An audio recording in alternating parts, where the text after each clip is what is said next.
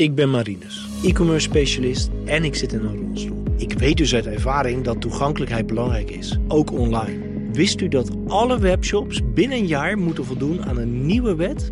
Dat is de Europese toegankelijkheidswet. Dit is een behoorlijke uitdaging. Voor hulp kijk op sqli.com/bnr. Minigame. Goed dat je luistert naar weer een minigame waarin we recent verschenen games bespreken.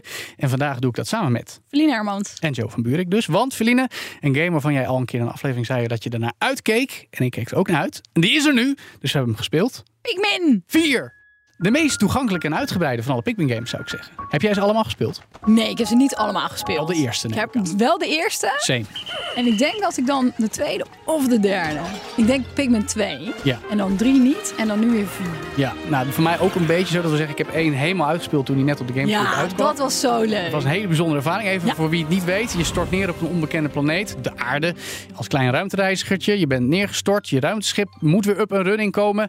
En dus krijg je hulp van plantachtige, op mieren lijkende beestjes. Met elk een specialiteiten. Rood eh, kan goed vechten, blauw kan zwemmen, paars extra sterk. Nieuw in Pikmin 4 de ijs Pikmin. Om vijanden en waterpoelen te bevriezen. En ja, dat is dan de formule. En met 4 hebben ze wel de beste versie ervan gemaakt, vind ik. Ja. Ik weet niet hoe jij dat ervoer. maar Zeker als je 2 en 3 eigenlijk niet gespeeld hebt. Of in ieder geval 3 niet. ja, dus het was wel... Weet je, wat jij beschrijft over die eerste Pikmin. Dat Mm. was zo'n leuk nieuw soort spel. Ja, Een beetje een soort lemmingsachtig. Want je hebt poppetjes met vaardigheden. En daarmee moet je puzzeltjes oplossen. Maar dan gecombineerd met een wereld die er heel mooi uitziet. En heel schattig en een beetje grappig. Ja. Dus dat, dat perfecte verhaal plus puzzel plus mooie wereld. Van de eerste Pikmin. Daar zat ik toch wel met heel veel nostalgie aan terug te denken. ja. En dan dacht ik bij deze wel, ja, het is wel een beetje dezelfde formule. Ja, er zit net een ander soort puzzeltje bij. Of Maar een wat ander had je dan heel anders willen hebben? Want wat ik al knap vind, ze hebben Weet nu, je hebt nu voor het nieuw is je hondje, Oachi. Ja, Die is briljant, want je kan sneller door levels hobbelen. Je kan hem Pikmin laten helpen met klusjes, met vechten tegen kikkers. Jee, kikkers verslaan vind ik heerlijk. Eh, Ja. Vervoeren van objecten. En je kan hem taken delegeren, zodat je op twee plekken tegelijk kan zijn. Nou, dat kon al in Pikmin 2 en 3, want dan had je ook meerdere ruimtereizigertjes. Maar toch... Ik vind dat wel een, een, een, een nou, het is geen revolutie van de Ja. formule, maar het is een, een danig leuke toevoeging. Dat ik dacht eigenlijk eerlijk gezegd, waarom is het een hond en niet gewoon een grote Pikmin? Wat? Ja, Ik ben ook niet zo'n hondenliefhebber. Ja, ik word ook niet niet heel se. van een hondje erbij. Zegt degene wiens naam naar een kat verwijst, als ik het mag Ja, zeggen. gewoon een kattenmens. Ja, ik ook, maar Ja, toch. nee, ik, ik heb ook snap niks het niet zo goed. Waar, we hebben, ik, ik wil met die leuke Pikmin spelen. Daarom, Ja. daarom heb ik Pikmin. Waarom krijg ik een hond erbij? Maar hij had toch ook gewoon een grote Pikmin met diezelfde vaardigheden nee, maar kan- eh, ik wil niet een hond. Ik Nee, wil meer Pikmin. Dat, dat mag, maar ik vind het mooi aan de Watchy. Je kan hem ook, weet je, al die dingen die ik net noemde, je kan hem dan ook eh, beter laten worden. Je kan hem, je kan hem sterker laten Levelen, worden. ja. Levelen, ja. Dus er zit een stukje eh, rollenspel-element in. Ehm, en wat ik heel leuk vind, Pikmin 4 roept de hele tijd Dandori. Dat is Japans voor het strategisch plannen en uitvoeren Ja. van je taken. Dat het omarmen ze helemaal. Dat heb je eh, zowel in de spelwerelden. De puzzels zijn heel leuk. Daarom. En je hebt dan van die speciale uitdagingen dat je zo snel mogelijk zoveel mogelijk schatten moet verzamelen. Of tegen andere ruimtereizigertjes met hun Pikmin moet vechten.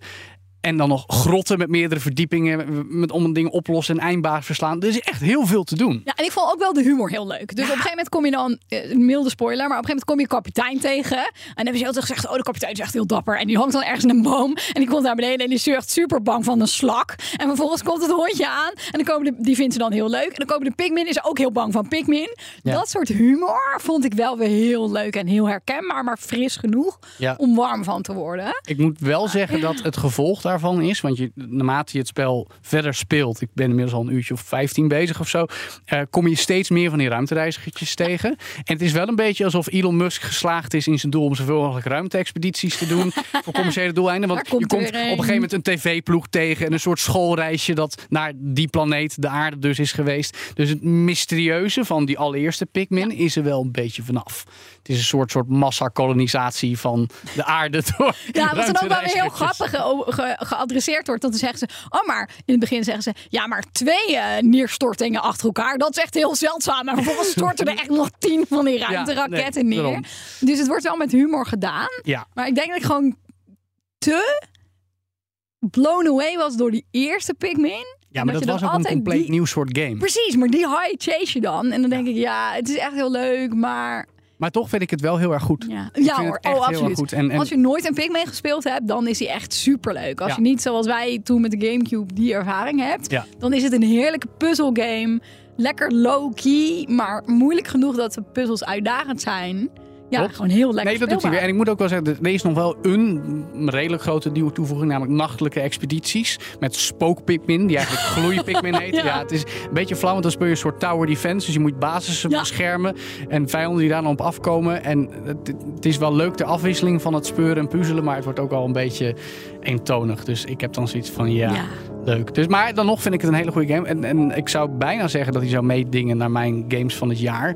Omdat hij gewoon heel erg goed in elkaar zit en heel erg veel afwisseling biedt. Oké, dat vind ik wel een bolde uitspraak. Ja, het is juli, nee, het is we- augustus, nee, maar We komen er in december op terug. Maar ik vind hem toch al heel erg goed. oké. Dus ik zou hem in ieder geval aanbevelen. En jij zegt... Ja, zeker. Ja, wel. Nou. absoluut. Heel leuk speelbaar. Als je die eerste zo'n warm hart toedraagt. Misschien is die dat net niet, maar als je nooit Pikmin hebt gedaan, is echt super. Zeker goed om te proberen. Pikmin 4, nu te spelen op Nintendo Switch.